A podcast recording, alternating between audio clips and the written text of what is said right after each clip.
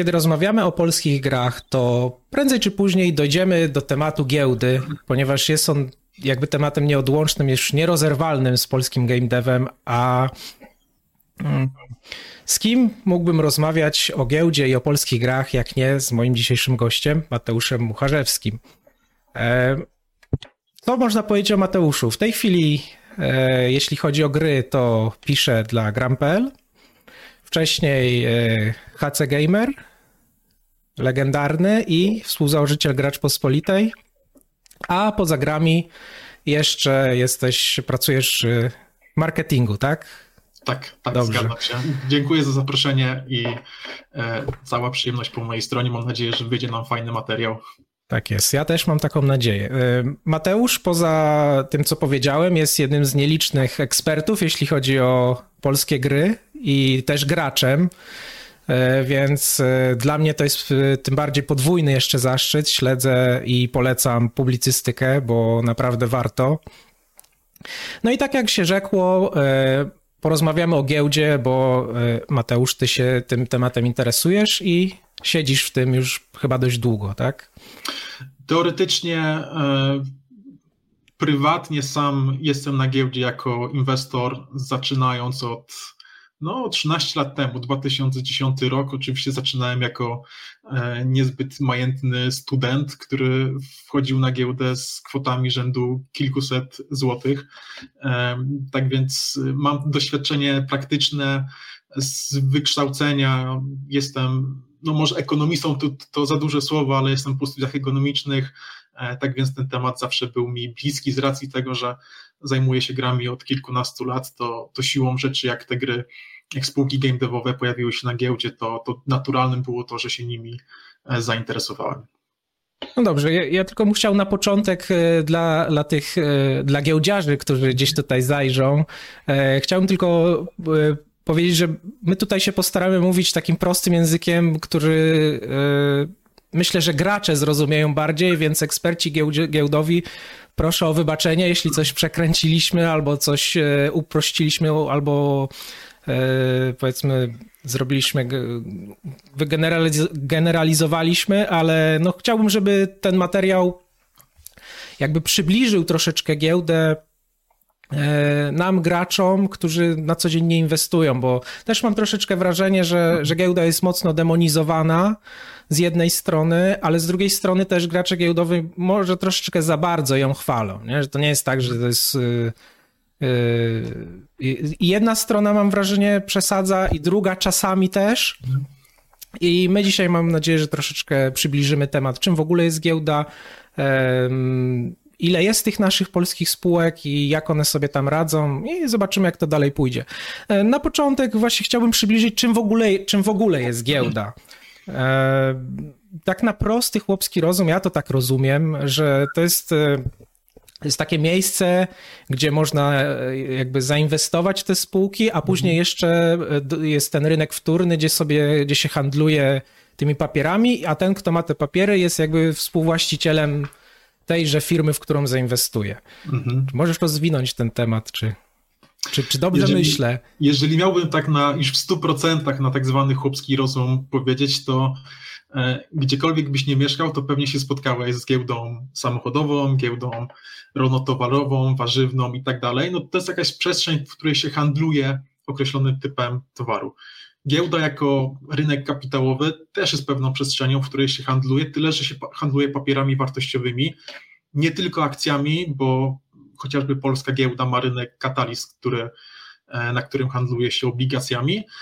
E, tak więc no, bardzo dużym skrócie, uproszczeniu e, giełda jest to miejsce, na którym można handlować akcjami spółek, które, które te akcje wyemitują na rynku wtórnym i na rynku pierwotnym. Ale to jest, e, to jest tak, że jakby ja jako ja z tą firmą mhm. handluję, czy to jest jakiś pośrednik jeszcze pomiędzy, czy jak to wygląda? Formalnie zakładasz e, konto maklerskie i za pośrednictwem konta maklerskiego dokonujesz transakcji. Jakby nie ma tutaj, spółka jako taka nie bierze w tym udziału, tak? Jeżeli mhm. spółka wyemituje akcje, ja je od niej kupię, no to one już są moją, moją własnością i spółka nie ma nic do tego, ja sobie mogę swobodnie na rynku tymi, tymi akcjami dysponować i spółka nie ma z tego prowizji, nie ma z tego udziałów, jakby to się odbywa poza nią. Mhm. Okej. Okay. A od strony spółki, jak to wygląda z, z, wejściem na giełdę? Czy to jest jakaś taka prosta sprawa, czy jednak wymaga to z jakiegoś nakładu czasu, pieniędzy i tak dalej? Proces jest długi, skomplikowany na tyle, że pewnie teraz nie powinienem dokładnie go omawiać krok po kroku, bo jednak jest to wiele różnych elementów od e, budowania prospektu emisyjnego, takiego dosyć dużego pliku z masą informacji finansowych i nie tylko na temat spółki. E, jeżeli ktoś jest ciekawy, to sobie polecam znaleźć w Google prospekt emisyjny dowolnej dużej spółki gamingowej, która wchodziła na giełdę, żeby zobaczyć, jak duży jest to dokument, z ilu e, rzeczy spółka musi się wyspowiadać. Oczywiście to zależy od skali e, działalności. Później jest zazwyczaj spółka wykonuje dużo spotkań z inwestorami, nie, nie tylko takimi drobnymi E, ciłaczami, ale funduszami inwestycyjnymi, które, które kupują duże pakiety. E, tak więc sporo pracy, budowanie tak zwanej księgi popytu. Tak więc sam proces jest dosyć długi i skomplikowany. E, z tego też powodu powstała na przykład giełda New Connect, która jest tak zwaną małą giełdą, czy żartobliwie niektórzy mówią polskim Nasdaqem. New Connect jest przeznaczony głównie dla mniejszych spółek. Teoretycznie na początku się mówiło dla spółek technologicznych, ale to też nie jest reguła, e, gdzie te procedury są znacznie uproszczone i przede wszystkim mogą tam wejść mniejsze firmy, bo giełda ma wymogi chociażby e, minimalna wartość spółki, która chce wejść na giełdę, na główny parkiet, to jest, żebym się nie pomylił, z 12 milionów euro, e, coś, coś koło tego, tak więc byle kto na giełdę nie wejdzie, New Connect jest o tyle fajne, że możesz być małą firmą, która sobie na ten New Connect wejdzie. E, wiele też jest spółek e, growych, które zaczynały od New Connect, przykład 11bit, który debiutował jako spółka, która nie miała żadnej premiery e, i dopiero, dopiero przygotowywano się do, do debiutu Anomaly Wars on Earth. To była malutka spółeczka bez przychodów, bez zysków, która dopiero po jakimś tam czasie zbudowania pozycji rynkowej była w stanie się przenieść na główny parkiet. Ale podsumowując, proces jest dosyć długi e, i, i skomplikowany. I tam jest jeszcze mm, nadzór finansowy, nie? prawda? To nie jest tak, że to po prostu gdzieś tam mhm. jakieś informacje podasz i nikt tego nie weryfikuje. Tak, jakby e, wszystko jest pod nadzorem Komisji Nadzoru Finansowego, która nad tym, nad tym bazą zresztą spółki giełdowe już po debiucie mają całą masę e, obostrzeń. Takie najbardziej popularne są obostrzenia informacyjne. E, to znaczy ze spółką prywatną spoza giełdy możesz zrobić wywiad i oni mogą ci powiedzieć różne rzeczy ciekawe. E, spółka giełdowa musi się, musi się trzymać, żeby broń Boże nie podać jakichś tak zwanych cenotwórczych informacji e, poza głównym kanałem, czyli tymi raportami SP, bo założenie jest takie, że wszyscy inwestorzy muszą mieć równy dostęp do informacji, które wpływają na wycenę w związku z tym jest taki specjalny kanał, w którym najpierw tam muszą się pojawić e, wszystkie komunikaty takie istotne, mhm. zanim pójdzie to w świat. A powiedz mi, co może być taką informacją cenotwórczą, o której wspomniałeś? E, na przykład rozpoczęcie prac nad, nad grą, czy zakończenie prac nad grą, jeżeli gra jest na przykład skasowana, było wcześniej komunikowane, że taka gra powstaje. Takim ciekawym przykładem, w miarę świeżym, pokazującym, e, jak pewne ciekawe informacje pokazują się w raportach giełdowych, zanim, długo zanim pojawią się w takim obiegu PR-owo-marketingowym. Jest przykład Elevenbit, e, które ogłosiło e, współpracę z Microsoftem, obecność gier, swoich gier, jeszcze nie wiemy jakich, e, w Game Passie. Wiemy też z ostatniego raportu za drugi kwartał, że Elevenbit już dostało zaliczki na poczet tej współpracy. Wiemy to z tych raportów, ale jakby formalnie nie zostało to jeszcze ogłoszone przez Microsoft. Nie wiemy, które to gry, kiedy one będą, w jakiej formie. Mhm. A powiedz mi, czy między tym głównym rynkiem a New Connect są jeszcze jakieś inne różnice poza jakby uproszczoną procedurą? Różnice zawsze są. Znaczy, no, na pewno na New Connect są mniejsze spółki, mhm. które nie spełniają wymogów e, głównego rynku. Tam jest trochę mm, luźniejsze obostrzenia dotyczące informacji, e, czy już takich kwestii na tyle dosyć szczegółowych, że szczerze mówiąc nawet sam się w nie nie zagłębiam, no to, to są myślę bardziej dla w niektórych przypadkach tematy dla finansistów, a niekoniecznie graczy. Okay. W każdym razie podejście na New, na New Connect jest e, nieco, nieco luźniejsze i dzięki temu dużo mniejsze spółki są w stanie tam wchodzić. Też efekt jest tego taki, że czasami wchodzą na New Connect spółki, które po jakimś czasie okazuje się, że tą e, wartość miały stosunkowo niewielką. Mhm.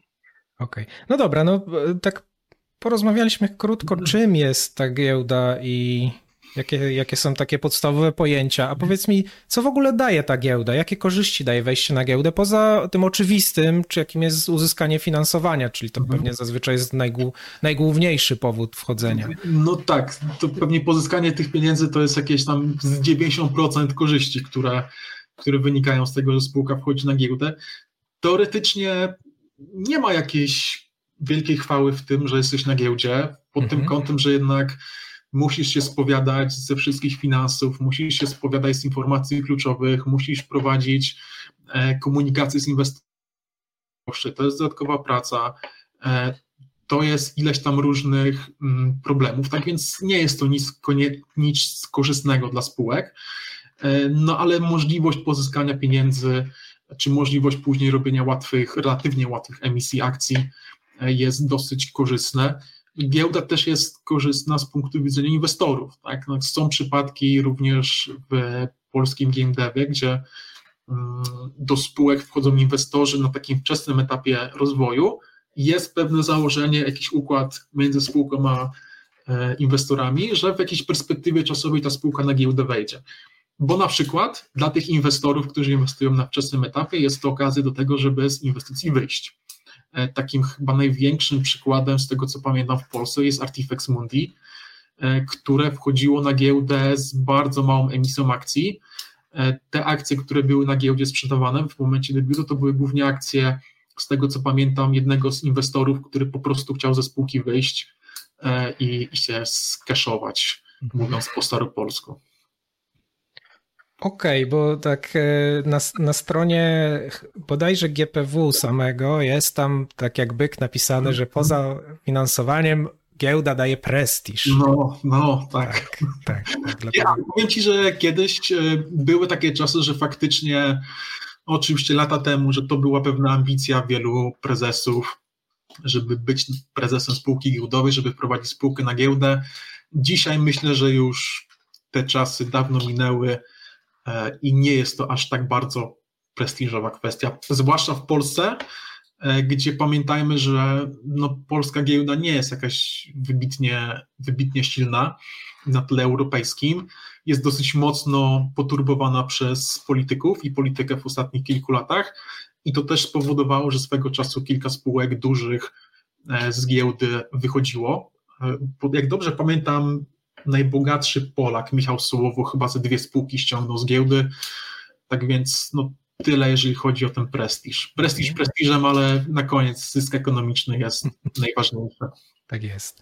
E, a porozmawiajmy chwilę o tych zobowiązaniach, bo właśnie przed chwilą powiedziałeś, że muszą się ze wszystkiego spowiadać. Bo ty też wspomniałeś wcześniej o raportach finansowych. E, mhm. Czy coś jeszcze jest poza poza, ty, poza każdym krokiem, jakim się wykonuje mhm. i, i, i, tymi raportami finansowymi. Czy coś jeszcze taka spółka musi Żeby tak dokładnie sobie to przeanalizować, najlepiej po prostu sobie go trwalić pierwszy, lepszy raport, chociażby kwartalny jakiejkolwiek spółki i zobaczyć, ile tych danych finansowych tam jest umieszczonych. Tak, to jest tak naprawdę cały rachunek przepływów pieniężnych, rachunek zysków i strat, to są takie już finansowe kwestie, które gracze mogą niekoniecznie interesować. W każdym razie widać, ile spółka ma przychodów, ile ma pieniędzy w kasie, jakie ma, jakie ma długi.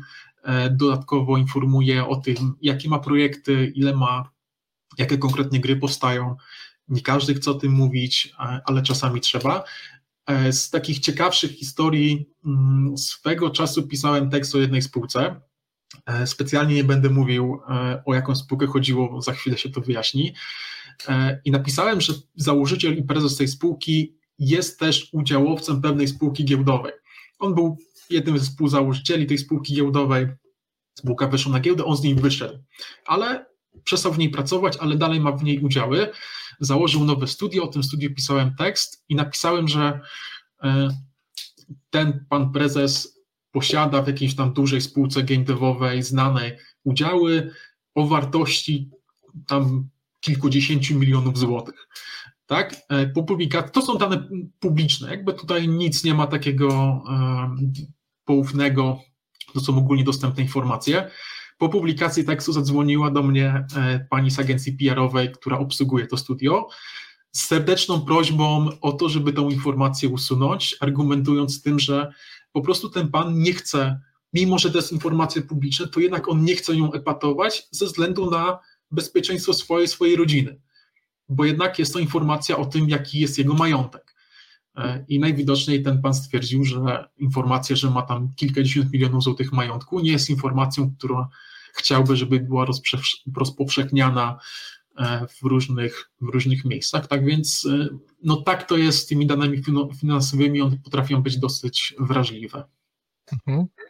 Wspomniałeś e, właśnie tak fajnie, płynnie przechodzimy do kolejnych mhm. tematów, bo chciałem się zapytać o profile na mediach społecznościowych, bo często spółki giełdowe mają osobne, mhm. taki normalny, że tak powiem, dla normalnych ludzi i osobne z oznaczeniem IR, co mhm. oznacza e, e, relacje, relacje inwestorskie, prawda? Dlaczego to robią? E, bo to jest zupełnie inna komunikacja. Tu mogę, włączę się, włączę się jako ja, marketer zajmujący się marketingiem, no jednak do różnych grup odbiorców należy komunikować różne inne rzeczy. Tak? No, można sobie spojrzeć chociażby na ten profil inwestorski CD projektu, no to on się uaktywnia w momencie publikacji wyników finansowych. To nie jest profil od tego, żeby pokazywać nowe screeny z gry, informacje z gier, trailery e, i tym podobne. To jest profil nakierowany na inwestorów po to, żeby przekazywać informacje, bardzo ładne grafiki, które CD Projekt robi z informacjami finansowymi, czy informacjami na temat e, na przykład zatrudnienia i tego, ile osób jest zaangażowane w różne projekty. No, po prostu jest to inna grupa odbiorców niż E, niż gracze. Graczy niekoniecznie to e, interesuje. Z drugiej strony inwestorów niekoniecznie interesuje to, że się pojawił nowy screen z gry X czy Y, e, bo to jest dla nich zazwyczaj jakaś tam kwestia mm, drugorzędna. Stąd są oddzielne profile, żeby tych inwestorów dopieścić i ich informować w należyty sposób. Okej. Okay. No dobrze, a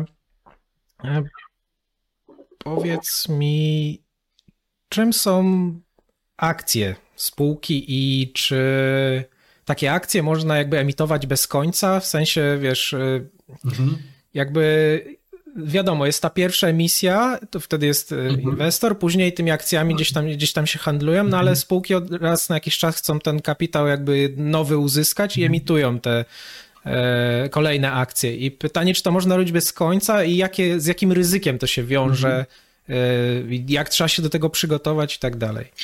Szczerze mówiąc, nie wiem, czy jest formalny limit. E, wydaje mi się, że może go nie być, ale no jakby tutaj przepisów w 100% nie znam.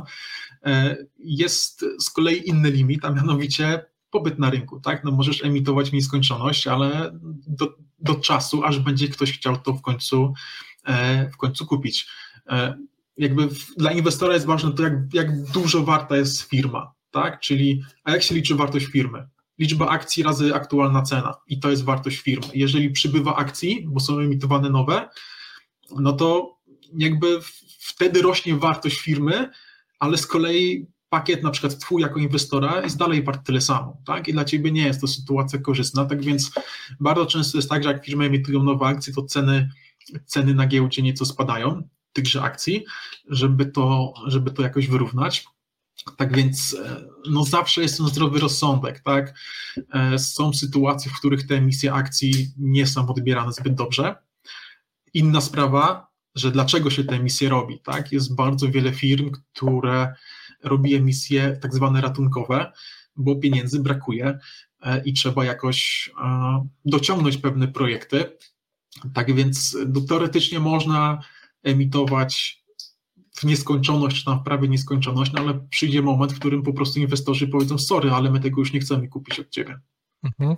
A jak taka emisja ma wpływ y, na jakby cenę akcji? Jak, jaki ma wpływ na tych ludzi, którzy już wcześniej zainwestowali? Czy te akcje wtedy jakby tracą na wartości, bo ich jest ich więcej, czy jak to działa? Mhm. Czy... No, załóżmy, że cena akcji na giełdzie spółki wynosi 100 zł, tak? I jest robiona emisja po cenie, niech będzie dokładnie taka sama, też 100 zł, tak? Po takiej, jak jest aktualna cena.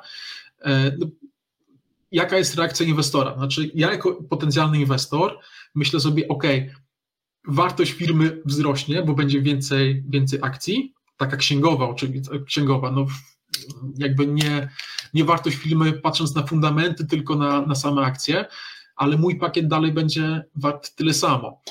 E, I zazwyczaj efekt jest tego taki, że część inwestorów sprzedaje swoje udziały, pając tę cenę, tę cenę w dół. E, tak więc jakby to najprościej wytłumaczyć, e, rzadko kiedy jest tak, że emisja, informacja o emisji akcji nie spowoduje, że kurs się trochę obniży. Tym bardziej, że bardzo często firmy emitując akcje oferują je po cenie niższej niż jest aktualna rynkowa. To tym bardziej gdzieś tam po to, żeby oczywiście pozyskać inwestorów. Czasami jest tak zwane prawo poboru, tak więc mogą te tańsze akcje kupić tylko i wyłącznie aktualni inwestorzy. Dla nich jest to jakaś, jakaś okazja, ale to też nie jest coś, co się robi, co się robi zawsze. No z takich świeżych przypadków, no to People Can Fly robiło bardzo dużą emisję na kilkaset, kilkaset milionów złotych. E, no i siłą rzeczy to musiało spowodować, że, że ten kurs akcji trochę, e, trochę w wyniku tych działań spadł. Rozumiem. Wspomniałeś o, o wartości spółki mhm. i często w, we wszelkich newsach, e, w jakichś komunikatach pojawia się takie słowo jak, e, jak kapitalizacja mhm. spółki. Czy to jest właśnie ta wartość, o której tak, wspomniałeś? kapitalizacja to jest wartość rynkowa Okej, okay, okej. Okay.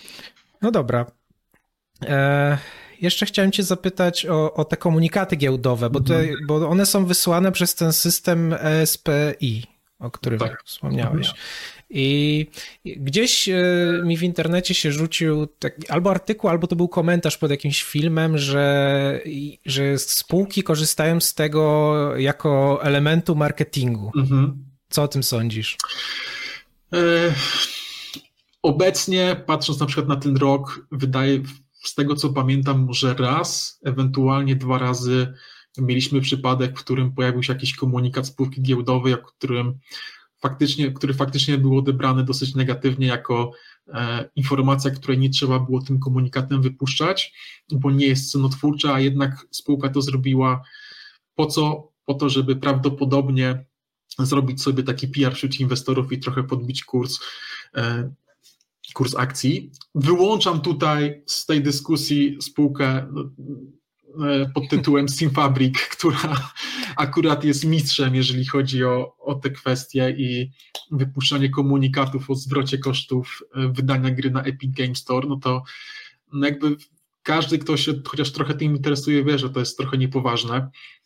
E, ale jeżeli chodzi o całą resztę, to tak, kilka lat temu w trakcie tej hossy game devowej na giełdzie, lata 2019-2020, to faktycznie było tak całkiem sporo i spółki często o różnych rzeczach informowały różnymi komunikatami.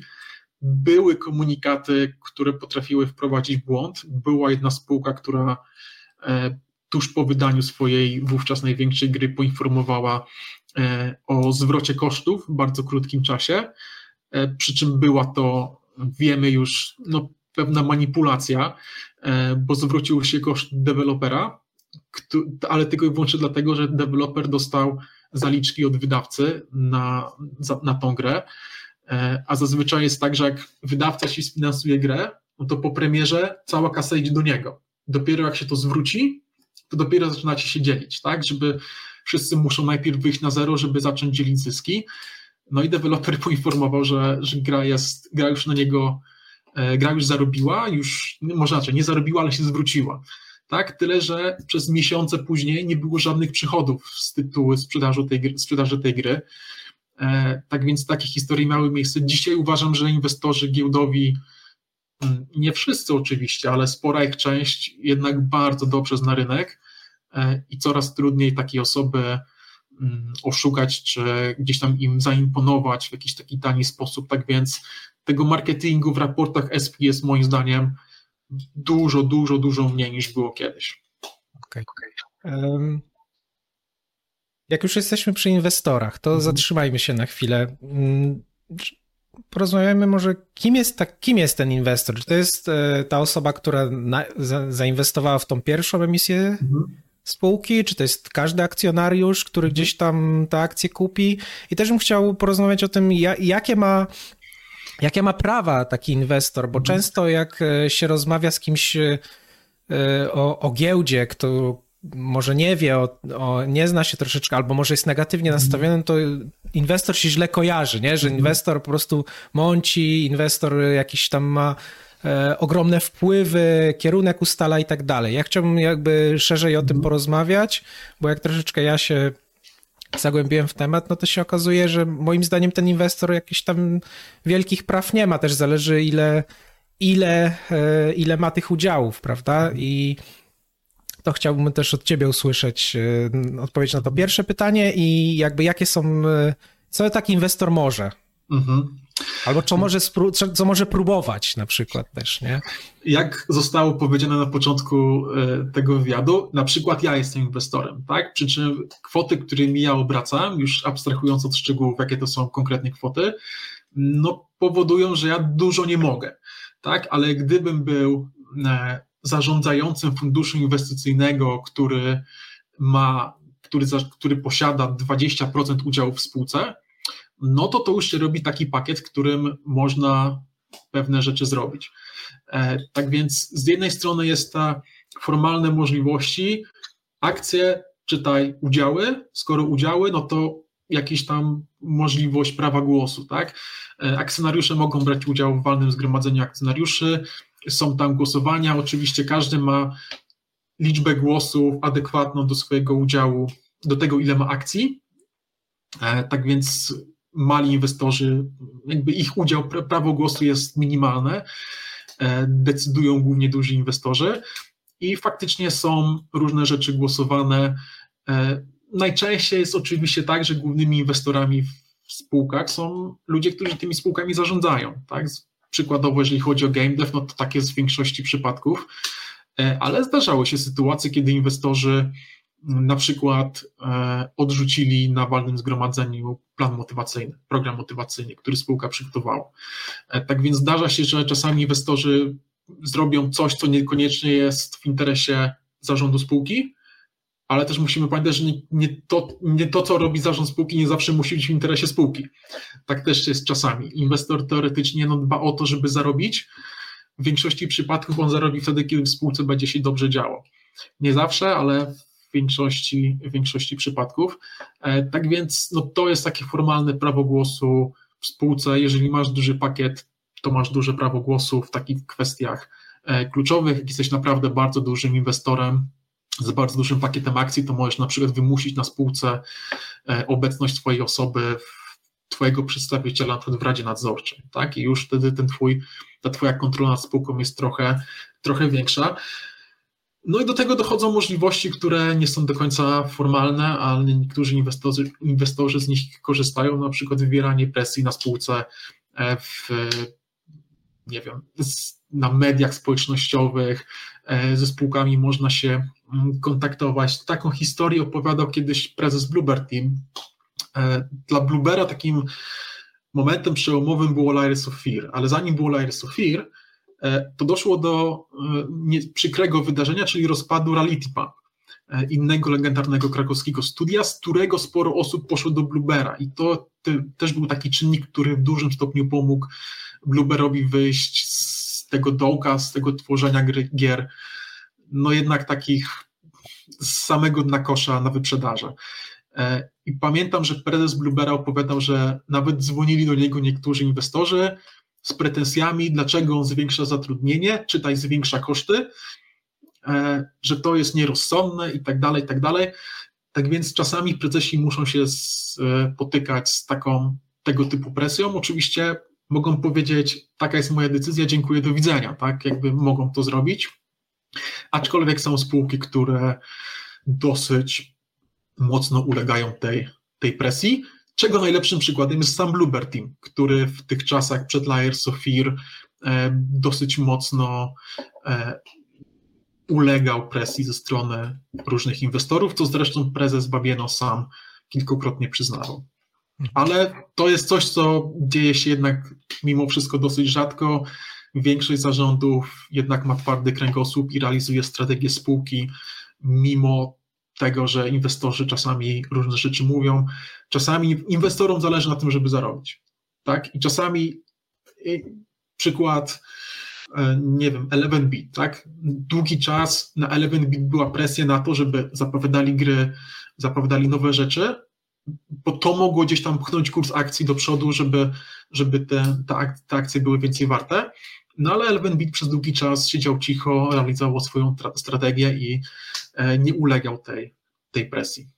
Czyli z tego, co mówisz, to inwestor jakby naj, najmocniejszym elementem jest takie wywieranie presji. I też zależnie od pakietu. Oczywiście powiedziałeś, że od pewnych progów zaczynają się większe prawa.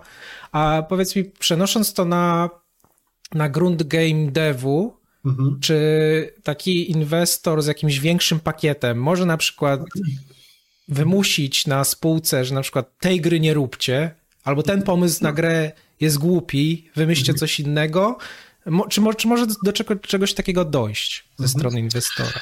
Jak, jak, bardzo skuteczny może być w tym? Mm, warto się tutaj odnieść do ostatniego bardzo fajnego raportu na temat stanu polskiej branży, e, który przygotował między innymi Jakub Marszałkowski. Tam padło takie stwierdzenie, już nie pamiętam, czy to jest w samym raporcie, czy, czy autorzy gdzieś tam w jakichś wywiadach o tym, o tym wspominali, że dużo dobrego spółkom game devowym w Polsce daje obecność inwestora branżowego, często zagranicznego.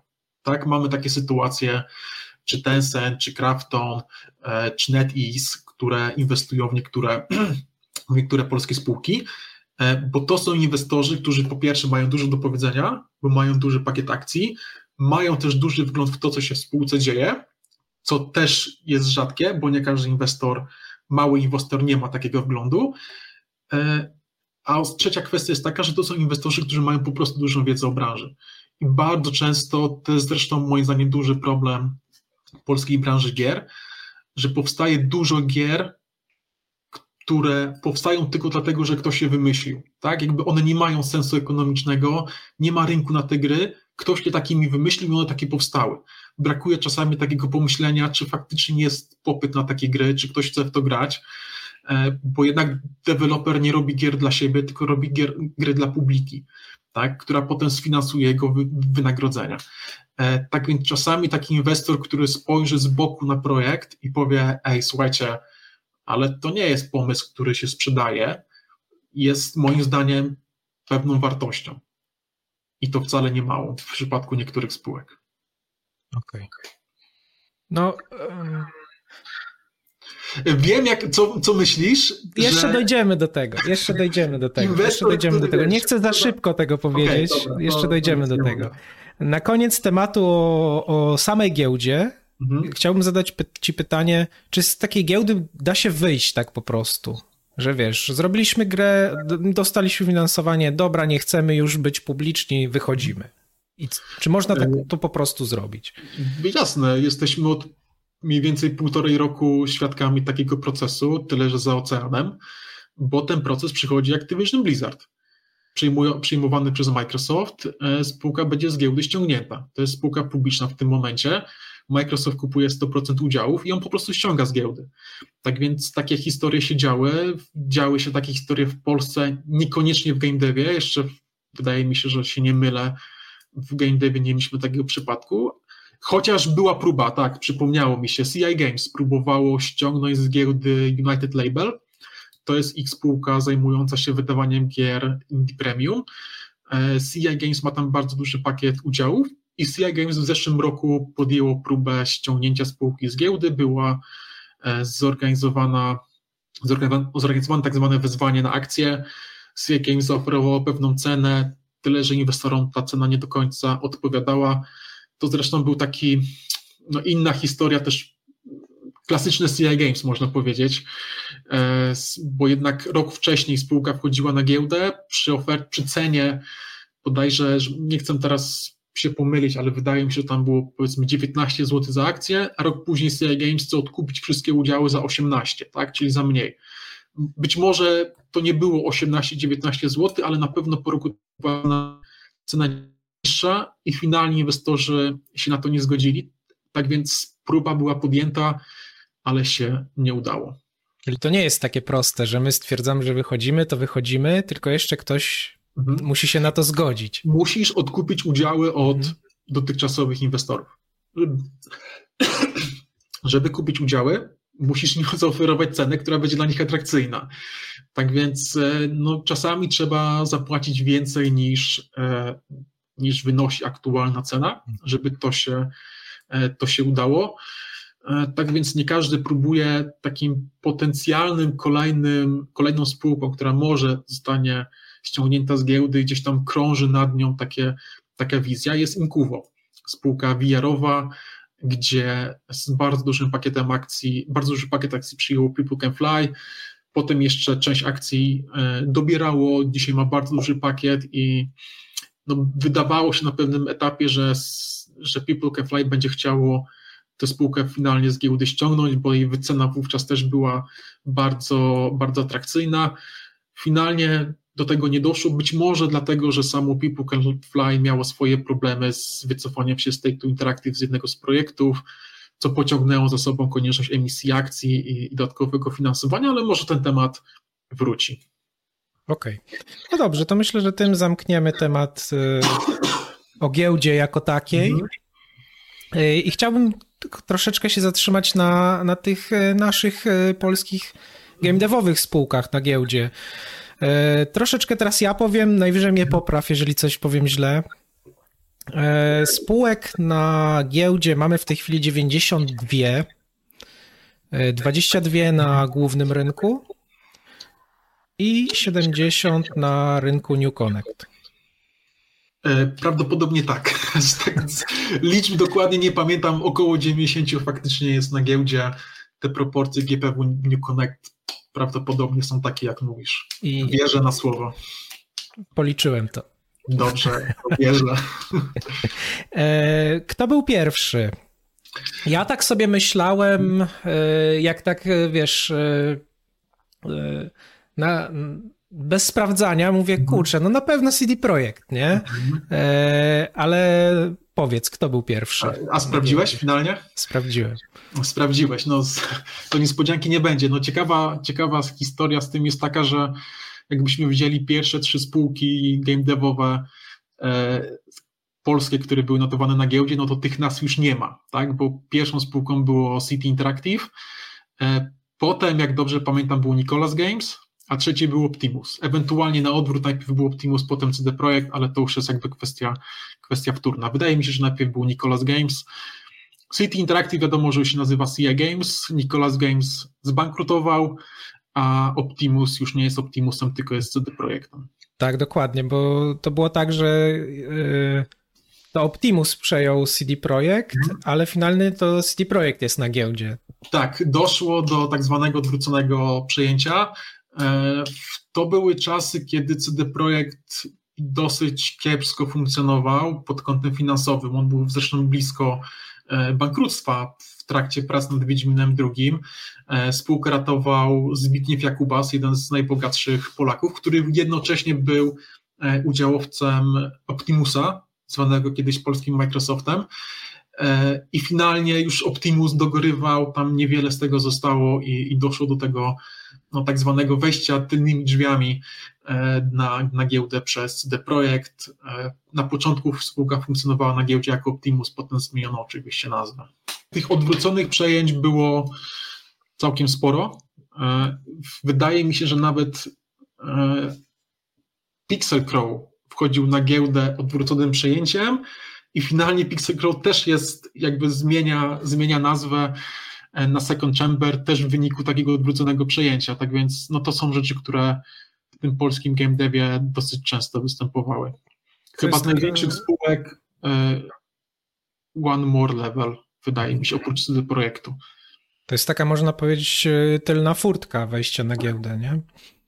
Tak, tak często się na to mówi, takie wejście tylnymi drzwiami, po to, żeby uniknąć e, tych wszystkich procesów, to czego, o czym mówiliśmy na początku, tej całej procedury e, formalnej, związanej z wejściem na giełdę.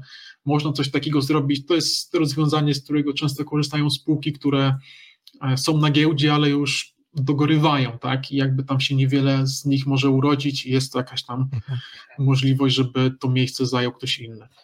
A powiedz mi, kogo z takich znanych, dużych graczy na giełdzie nie ma i, i dlaczego? No nie ma Techlandu i to jest spółka, o której się mówiło od kilku lat, że gdzieś tam to widmo debiutu wisi nad, e, nad Techlandem.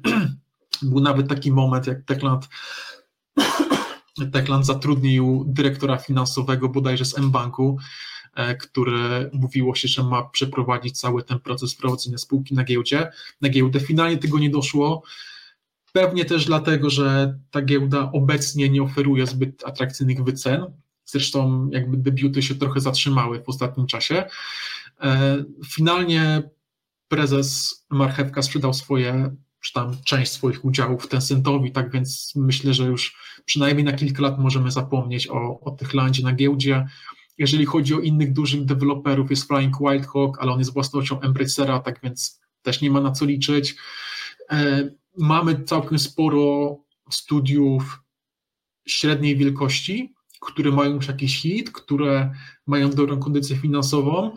To jest na przykład Super Hot Team, tyle że ten zespół się w to zasadzie już, rozpadł. Już nie istnieje. Tak więc, no właśnie, tak więc tutaj nic z tego nie będzie. Jest Exor szczeciński, e, który pewnie nie ma takiej potrzeby, bo jeżeli wydałeś grę, która zarabia dużo pieniędzy i siedzisz na gotówce, to jaki jest sens wchodzić na giełdę?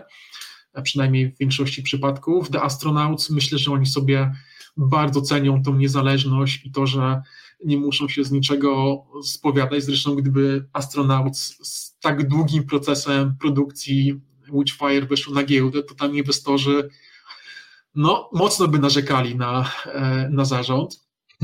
A poza tym, tak szukam pamięcią i wydaje mi się, że z dużych firm już nikogo. A co sądzisz o, o, o Tejon?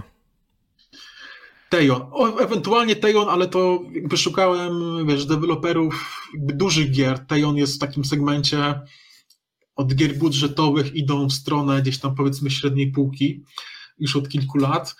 E, Tejon ewentualnie mógłby być takim ciekawym debiutem.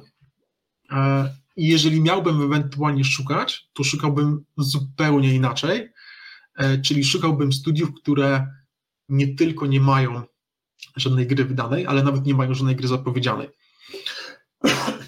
Przykładowo powstało, powstało nam kilka studiów e, założonych przez byłych twórców Wiedźmina, ludzi z CD Projektu ogólnie. No takim najbardziej znanym przykładem jest Rebel Wolves, e, gdzie zainwestowali Chińczycy. E, ten, ta inwestycja być może powoduje, że debiut giełdowy niekoniecznie, niekoniecznie będzie miał miejsce, ale mamy na przykład Dark Passenger, to też jest studio byłych ludzi z CD Projektu, studio, w które zainwestował Blightfound, to jest taki bardzo ciekawy fundusz, o którym niektórzy widziałem, że pisali, że to jest fundusz estoński, to nie jest estoński fundusz, tylko to jest fundusz polski, e, bardzo mocno inwestujący w game dev, tyle że zarejestrowany w Estonii, który z tego co pamiętam też ma udziały w Dark Passenger i to jest inwestor, który bardzo dużo spółek później wprowadził na giełdę. Seven Levels, Grippiger, Incuvo, e, tak więc być może to jest takie studio potencjalnie ciekawe, bo jednak bardzo doświadczeni ludzie, które na tą giełdę mogłoby, mogłoby wejść. Nie licząc, oczywiście nie licząc tej całej drobnicy playwayowej czy z grupy Ultimate Games, bo to wiadomo, tam na pewno będzie dużo spółek. A wracając do giełdy, e, jak myślisz, czy jakby już jakiś e, pułap osiągnęliśmy i to się teraz będzie bardziej konsolidować, czy dalej będzie szło to gdzieś, gdzieś do góry i tych spółek będzie coraz więcej, tych pieniędzy będzie coraz więcej i tak dalej? Oj, to jest trudne pytanie i pytanie w sumie na całą godzinną rozmowę. E, znowu bym wrócił do tego raportu o stanie polskiej branży, o którym mówiłem. Tam wyszło, że mamy około 500 deweloperów. I ten raport powiedział coś, o czym jakby wiadomo od dawna, ale się o tym zdecydowanie zbyt mało mówi, a mianowicie to, że my mamy tak dużo spółek game devowych, studiów deweloperskich, wcale nie jest taką super rzeczą. To znaczy mamy bardzo dużo studiów, bardzo dużo ludzi zatrudnionych, ale bardzo dużo studiów, które mają trudną sytuację finansową, tak? Robią jakieś gry, e, coś tam niby wychodzi, tych premier mamy multum, ale rozczarowań sprzedażowych jest bardzo dużo e, i to wszystko powoduje, że powinniśmy bardziej postawić na jakość niż na liczbę tych, tych studiów i Oczywiście ja nie wiem, czy nam przybędzie tych spółek na giełdzie, czy nie, bo wiadomo, że mamy kilka debiutów, które gdzieś tam czekają za rogiem i, i prędzej czy później będą miały miejsce. Pytanie, czy e, jakieś spółki, które już są na giełdzie, albo zmienią profil działalności. Mieliśmy taki ten przypadek w tym roku. Jedno studio na tyle niszowe, że nawet zapomniałem, jak się nazywa, e, zrezygnowało z tworzenia gier i się wycofało z branży. E, Pytanie, czy będą też studia, które na przykład zbankrutują, tak? bo już ileż, ileż można mm, robić emisję akcji, ileż można naciągać wydawców na kolejne projekty. No mamy kilka studiów, które nie mają najlepszej sytuacji finansowej i to już nie mówię tylko i wyłącznie o tym najbardziej znanym przykładzie, czyli Modlicie, który e, w zasadzie jest na krawędzi bankructwa, tak? I, i tam niewiele z tego studia e, zostało. Tak więc trudno powiedzieć, co się będzie działo. No mamy Pixel Crow, który zamienił się tak naprawdę w zupełnie nowe studio i też do tego odwróconego przyjęcia doszło. E, nie sądzę, żebyśmy mieli konsolidację na zasadzie przejmowania jednych przez drugich. Ten przykład mm, People Can Fly inwestującego w Incuvo e, jest moim zdaniem takim pojedynczym przypadkiem, tego nie będzie dużo, e, bo jednak ceny pewnie ze względów finansowych nie każdy będzie chciał. No, spójrzmy, jakie studia w Polsce mają duże pieniądze. Tak, ma CD Projekt, ale ja nie wiem, czy są w Polsce atrakcyjne inwestycje dla CD Projektu. Wydaje mi się, że może ich nie być. Eleven Beat, no, zainwestowali na przykład Full Theory, no ale to jest spółka spoza giełdy. No jeszcze jest Star Wars Industries, ale to jest dosyć malutki, malutki pakiet. E, tak więc jak patrzę na tych, którzy mają pieniądze, to niekoniecznie widzę dla nich duże duże, atrakcyjne spółki do, do przyjęcia w Polsce, przynajmniej na giełdzie. Tak więc, no ciężko powiedzieć. E, nie jestem w stanie w tym momencie prorokować, czy tych spółek będzie więcej, czy mniej, bo no, tych scenariuszy możliwych jest, jest kilka. Okay, pożyjemy, zobaczymy. No dobra, to teraz przejdźmy do e, trochę luźniejszych, e, luźniejszych tematów. Jakby pierwszym takim pytaniem luźniejszym znaczy inaczej, temat jest dalej poważny, mhm. ale, ale pytania możemy troszeczkę zluzować. E, jakby powiedz mi, są ci ludzie, którzy inwestu, inwestują w, w game dev i powiedz mi, co jest dla nich najważniejszą statystyką, jeśli chodzi o grę? Bo często się słyszy i widzi, że to jest wishlista, mhm. followersi gdzieś tam na Steamie, e, pik, e, jak gra już wychodzi, utrzymanie tego piku i tak dalej. Co Twoim zdaniem jest najważniejszą statystyką? Zależy na jakim etapie, bo jak gra wyjdzie, no to najważniejszym wskaźnikiem jest wskaźnik ROI, czyli zwrot inwestycji. Tak? Czy gra na siebie zarobiła, czy nie, bo wtedy te piki i wishlisty nie mają znaczenia, jeżeli gra się nie sprzedaje. Przed premierą to są rzeczy, które się ciągle zmieniają i był moment bardzo dużego nacisku na wishlisty, aż do czasu, kiedy wyszło kilka gier, które miały wysoką listę, ale mimo wszystko się nie sprzedawały super, to znowu się pojawiła narracja, że to jest stara lista i musi być świeża. Potem się pojawił kontraband police i okazało się, że można mieć starą listę i się dobrze sprzedawać. E, tak więc różnie bywa. E, myślę, że zawsze jest jakiś miks różnych wskaźników. Moje doświadczenie zawodowe, nie tylko z branży gier, ale z branży marketingowej jest takie, że jeden wskaźnik nigdy ci nic nie powie. E, wręcz przeciwnie, może mocno zmanipulować obraz sytuacji. E, tak więc dzisiaj się dużo patrzy na wishlistę, patrzy się na piki dema, piki prologów, e, na, na oceny. Oceny są bardzo ważne w tym pierwszym okresie. Mieliśmy ostatnio Fort Solis, który miał w ogóle jakiś totalny dramat na premierę. No i to strasznie mocno zabiło sprzedaż w pierwszym okresie i to, że gra się po tygodniu wygrzebała, no fajnie, ale to, co się straciło, to już trudno, tak? Jakby się tego nie odrobi. E, jak się nie wpadnie w algorytm, no to, no to niestety. E, tak więc wydaje mi się, że dzisiaj jesteśmy na etapie, w którym nie ma jednego wskaźnika, który byłby optymalny, który by mówił wszystko. Raczej powinno się patrzeć na, na kilka różnych wskaźników, też w zależności od tego, przykładowo piki po premierze, tak? Dla jednej gry pik 1000 będzie super wynikiem, dla drugiej gry 10 tysięcy będzie wynikiem słabym. Tak więc to też jest, to też jest różnie, a dużo widzę też po, chociażby Twitterze inwestorów patrzy na piki steamowe, ale zapomina, że gra wyszła też na konsolę, tak? I tam też jest jakaś sprzedaż, której niekoniecznie widać.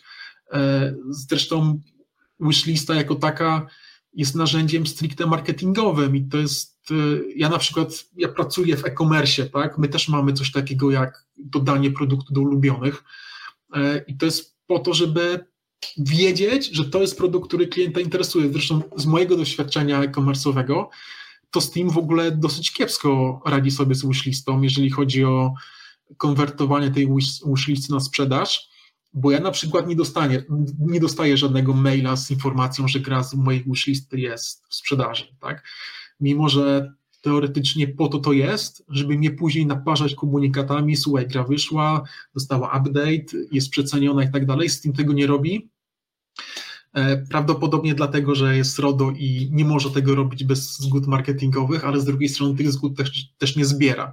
Tak więc e, wydaje mi się, że Steam mógłby tutaj dużo, dużo więcej e, z tym, z tym robić, ale już wracając do perspektywy inwestora, znowuż możesz mieć fajną wishlistę, ale ona faktycznie jest stara, zebrana 3 lata temu, jak była to preprodukcja, no i teraz ta wishlista nie będzie konwertować, tak? Tak więc to jest dosyć skomplikowane i wydaje mi się, że inwestorzy po takim pierwszym zachuśnięciu się wishlistami dzisiaj już widzą, że to nie jest tak proste, jak może się wydawać.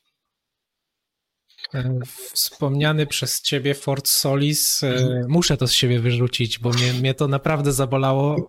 E, jakby z połową złych ocen się zgadzam, bo mhm. połowa jest na optymalizację na, na mhm. PC. I ona faktycznie, jak w, w dniu premiery, no to była tragedia, nie? Wiesz, co, co paręnaście minut wyrzucało po prostu do pulpitu, wiesz, już taki stuttering, y, jak wchodzisz w nowy, w nowy poziom, ok. Jakieś spadki FPS-ów, że na przykład nie masz 60, y, tylko 40 parę, ok, ale jak wyrzuca do pulpitu, no to już, to już jest ciężko, nie? I, I też troszkę mnie smuci, że y, patch został zapowiedziany, ale też jakby rozwiązanie, jakie teraz podali E, twórcy, to jest, żeby zainstalować najnowsze sterowniki nie? Do, do karty graficznej. To jest troszeczkę, troszeczkę e, słabe moim zdaniem. A też e, wspomniałeś o tych komunikatach Steam, one, one przychodzą ale one przychodzą, jak masz aplikację zainstalowaną, bo ja, je dost, ja, ja dostaję, że gdzieś jest jakaś przecena, gdzieś gra wyszła i tak dalej, jak sobie, ale też musisz sobie sam ustawić, to nie jest tak, że dostaję zgodę, tylko musisz sobie sam ustawić, że chcesz dostać gdzieś tam komunikat. No to mogę ci powiedzieć z mojej perspektywy marketera, gdzie ja też u mnie w pracy przez dwa lata, jak nie dłużej, zajmowałem się kampaniami e, direct marketingowymi, czyli takimi bezpośrednimi, tak więc to jest bardzo mocno moje poletko. To powiem Ci, gdybym pracował w Steamie, to bym naparzał tymi komunikatami, gdzie się tylko da, bo ja wiem, że Steam je wysyła gdzie nie gdzie, tylko skala tego w porównaniu do tego, co mogliby robić, jest jednak dosyć, dosyć niewielka. Ja kiedyś dostawałem od nich maila, tak kilka lat temu, że coś z mojej wishlisty jest przecenione, ale nagle przystali, nie wiadomo mm -hmm. dlaczego. Podejrzewam, że, że jest to kwestia RODO, ale no z drugiej strony to w ich interesie jest to, żeby na każdym kroku mnie zachęcać do wyrażenia tych zgód, a no ja nie będę wchodził do ustawień i sobie coś tam zmieniał, no bo... No, no wiadomo, no większość z nas tego nie zrobi. Większość z nas tego nie zrobi. No, no dobra, a powiedz mi, Co Twoim zdaniem najbardziej się zmienia w podejściu do tworzenia gier, spółek w momencie, kiedy na tą giełdę wchodzą? Mhm. Nie wiem, szczerze mówiąc. Pewnie mocno zależy to od spółki. E, pewnie wydaje mi się, że dużo ważniejsze od tego, czy jesteś na giełdzie, czy nie, jest po prostu kultura organizacyjna i to po prostu w jaki sposób funkcjonujesz. Są spółki, które wymyślą sobie jakiś pomysł, stwierdzą, a to jest fajne, robimy. Tak? I jest dużo takich firm i teoretycznie powinienem powiedzieć, że giełda w dużo większym stopniu nakłada na ciebie presję ze strony inwestorów na to, żeby dokładnie patrzeć, jakie rzeczy robisz i robić gry, które się sprzedają, a nie takie, które po prostu wymyśliłeś. Ale znamy masę przykładów na giełdzie, gier nieudanych, które no, mimo, że spółka jest na giełdzie, to mimo wszystko tej presji nie było, deweloper sobie coś wymyślił, coś wydał, nikt tego nie kupił i no koniec, tak? Tyle, tyle z tego było. Mamy przykład Creepy które od momentu powstania oni mówili robimy survival, bo survivale się sprzedają, w tym jest po prostu pieniądz. Oni świadomie weszli w ten typ gier. E, mamy Playway, który ma swoje preprodukcje, których być może teraz jest trochę mniej, ale, ale takie rzeczy się robi. Tak więc tam też dokładnie każdy, każdą złotówkę sprawdza, czy mówimy o spółkach Playwaya, które są na giełdzie, czy tych, które nie są na giełdzie. Takie rzeczy się sprawdza i, je robi. E, jeżeli popatrzymy na na przykład, nie wiem, 11-bit, no to wiemy, że bici bardzo często organizują playtesty u siebie w siedzibie. Zresztą w tym roku w wakacje to ogłaszali, zapraszali ludzi do zagrania Frostpunka, w The Alters.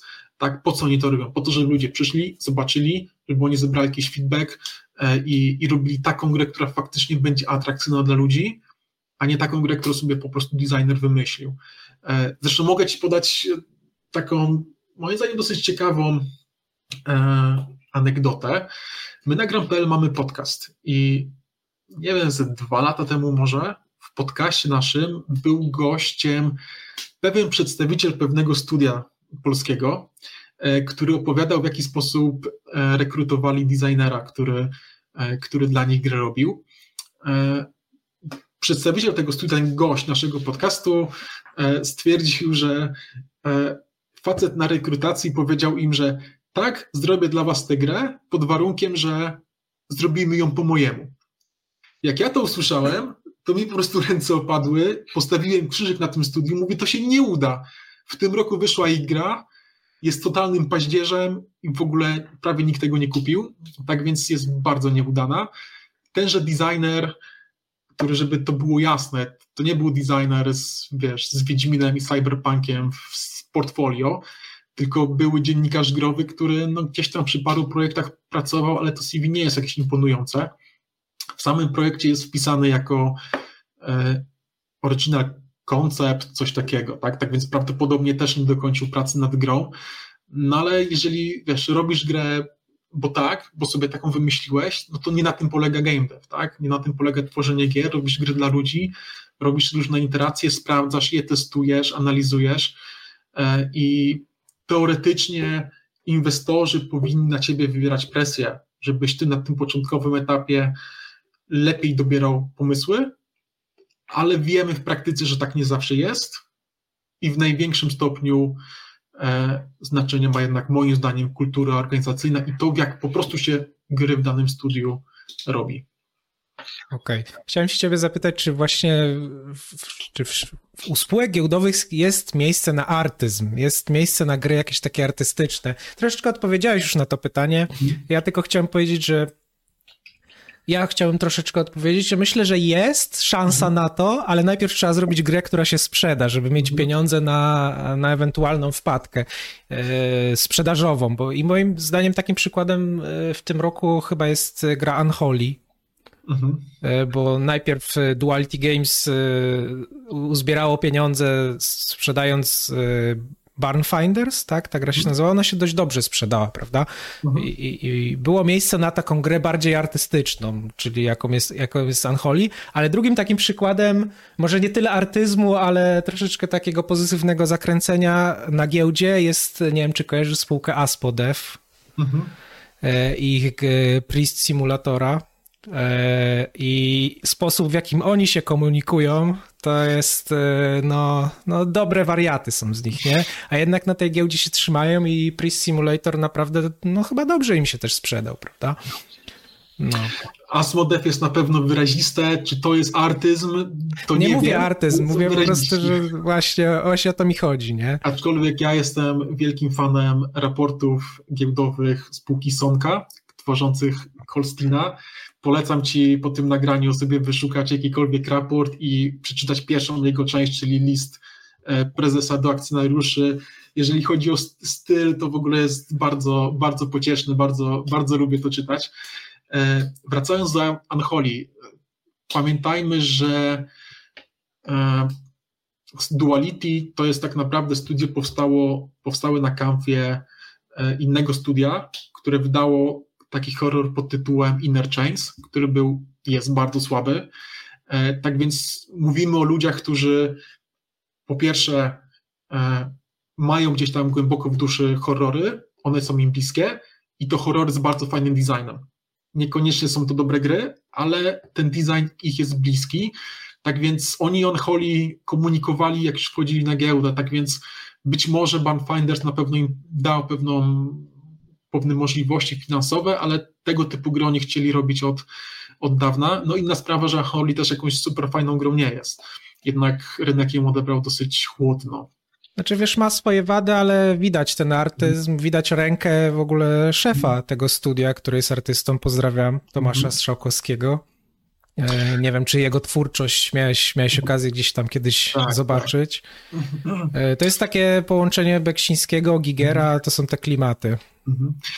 E, z drugiej strony, jak sobie porównasz mm, Unholy do Scorn, który ma bardzo podobny design, no to jednak Scorn jest dwie półki wyżej ale jakby wracając do gier artystycznych, e, powiem o, o tekście, który moim nowym tekście, który na Grampel jeszcze nie jest w momencie, kiedy my to nagrywamy, ale jest gotowy, tak więc jak się materiał pojawi, to pewnie, e, pewnie będzie opublikowany na temat Anapurna Interactive, czyli wydawcy, który słynie z takich bardzo artystycznych gier. No to jest jednak bardzo prestiżowy wydawca, który robi mega dobre gry z bardzo mocnym zacięciem artystycznym.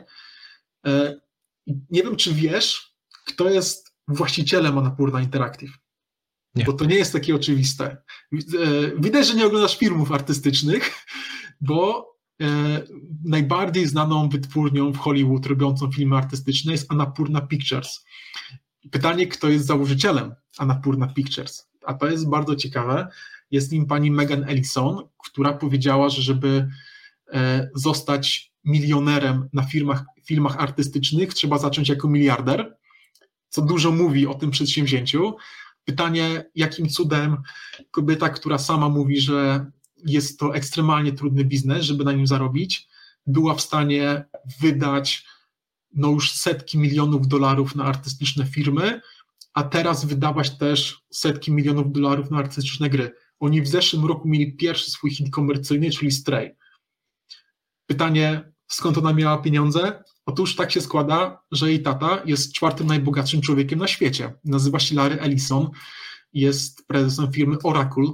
Tak więc, jeżeli bardziej mówimy tutaj nie o inwestorze, a o takim mecenasie sztuki, tak? Jeżeli możesz sobie na to pozwolić, to super, ale niestety rzeczywistość jest taka, że gry artystyczne się po prostu nie sprzedają zbyt dobrze, a są bardzo, bardzo kosztowne. Mieliśmy taki przykład w Polsce, czyli gra Bound od studia Plastic, w które zaangażowane było Sony, Sony wspierało marketingowo tę grę, Sony Santa Monica gdzieś tam też się przewijało e, i pamiętam jak e, ekipa ze studia Plastic mówiła już po premierze, że ludzie widzieli tą grę, mówili wow, fajne, zagram jak będzie w plusie.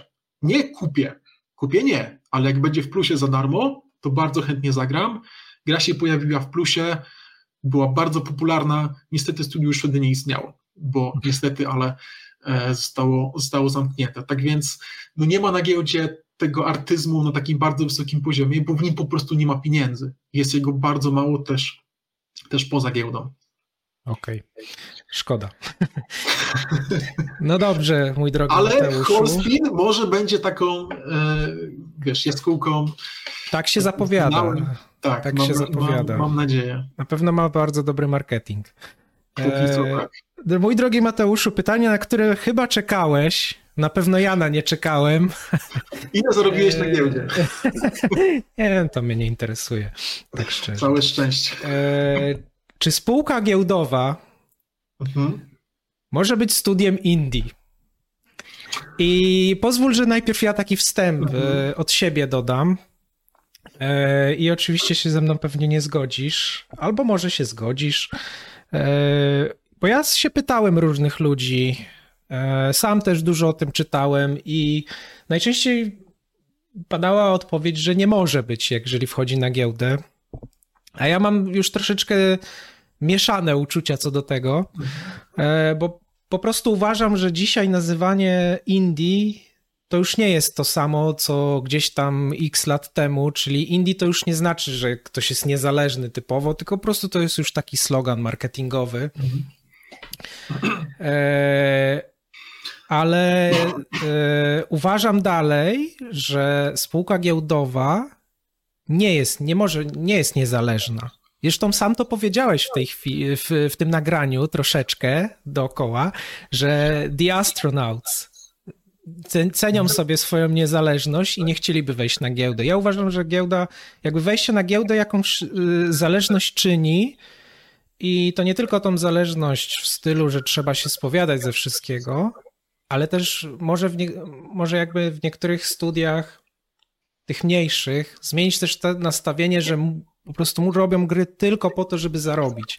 Bo ja uważam, że jest miejsce w świecie growym dla tych marzycieli, dla tych, którzy chcą robić grę taką, jak sobie wymyślili, i to może się sprzedać. W większości przypadków oczywiście się nie sprzeda, ale ja nie potępiam tych ludzi. Ja właśnie tym bardziej większy mam szacunek i tak dalej. E, ale uważam, że spółka giełdowa, już jednak wchodząc na giełdę, część tej niezależności traci nie tylko takiej formalnej, w mniejszym stopniu, a większym w takiej w głowie się zmienia troszeczkę, że, że jest już stuprocentowe nastawienie na zysk, bo musi być. Mhm. A co ty powiesz na ten temat? Znowu jest to temat na minimum. To jest temat rzeka, oczywiście.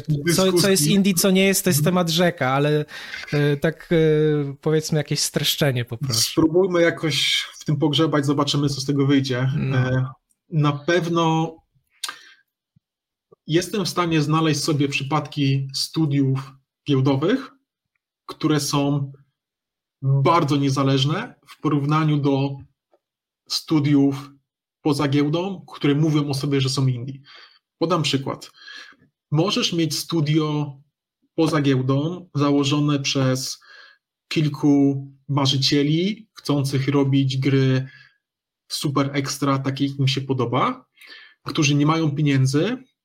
Czytaj, ich dotychczasowe gry się nie sprzedały, są, żyją w zasadzie od projektu do projektu, żyją z tego, że mają wydawcę, który finansuje im ten projekt, czytaj, zabiera im IP, zabiera im większość przychodów ze sprzedaży, ma duży wpływ na kształt tej gry. Są przypadki studiów niezależnych polskich, które robiły gry dla wydawcy, dlatego że wydawca przyszedł do nich z pomysłem powiedział, słuchajcie, potrzebuję grę tego, tego typu.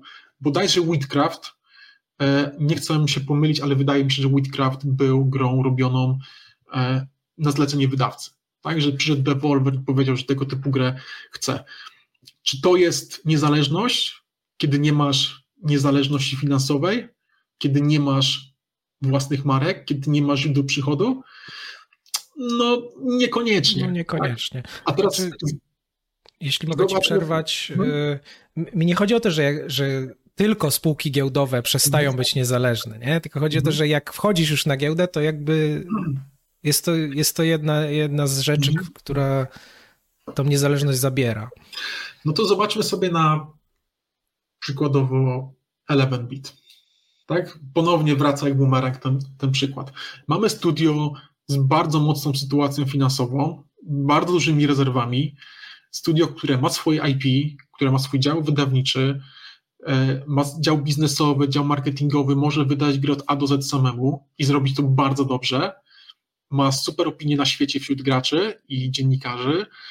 E, nie ma presji na zasadzie inwestorzy pewnie kilka lat temu to by się pozabijali, żeby tylko Eleven Beat zrobiło This War of Mine 2, bo to się wydaje absolutny pewnik.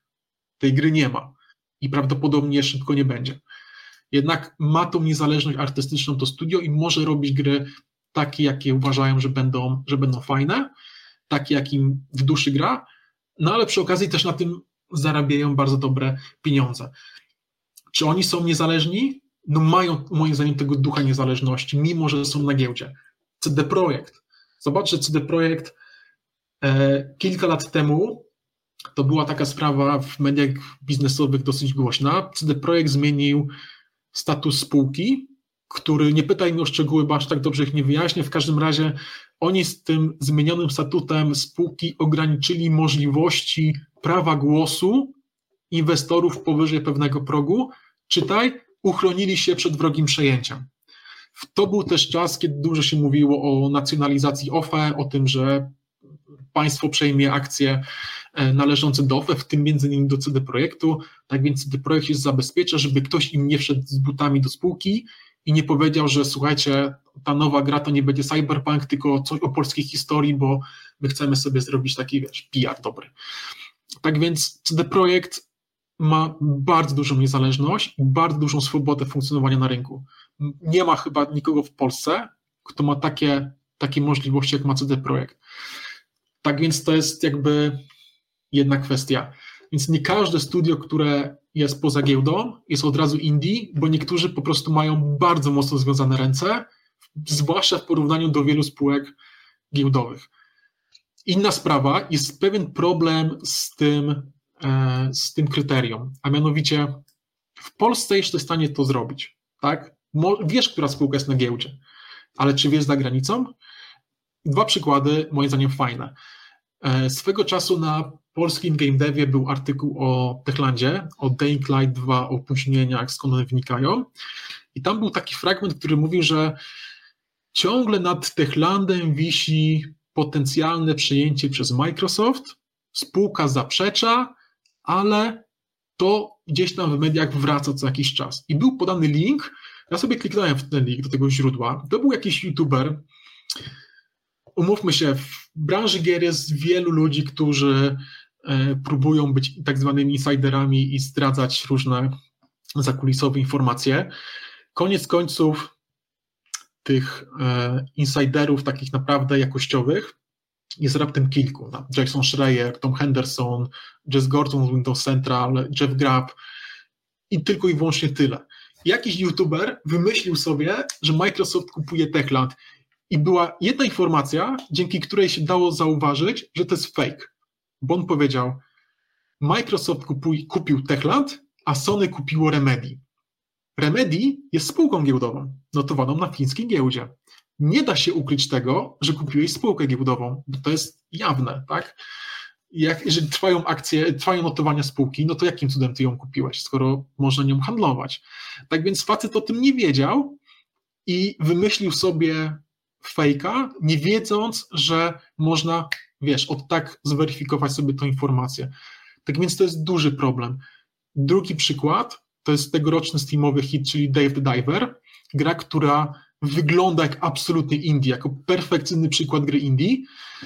E, studio, które stworzyło tę grę jest własnością Nexona. To jest południowo-koreański gigant, jedna z największych firm e, z tego regionu świata, z firm game devowych. Czy to już jest indie? No, jesteś częścią dużej korporacji, tak więc ciężko mówić o, o indie. Tak więc pewnym problemem jest to, żeby weryfikować te rzeczy. E, wiesz, Devolver Digital na przykład, no jeden z najbardziej prestiżowych wydawców gier niezależnych, to jest spółka giełdowa, no, notowana na londyńskiej giełdzie. O Anapurna Interactive przed chwilą też mówiłem, no też czy jest to indie? No trochę jest, trochę nie jest, tak? wydaje mi się, że my w ogóle powinniśmy zmienić definicję indie.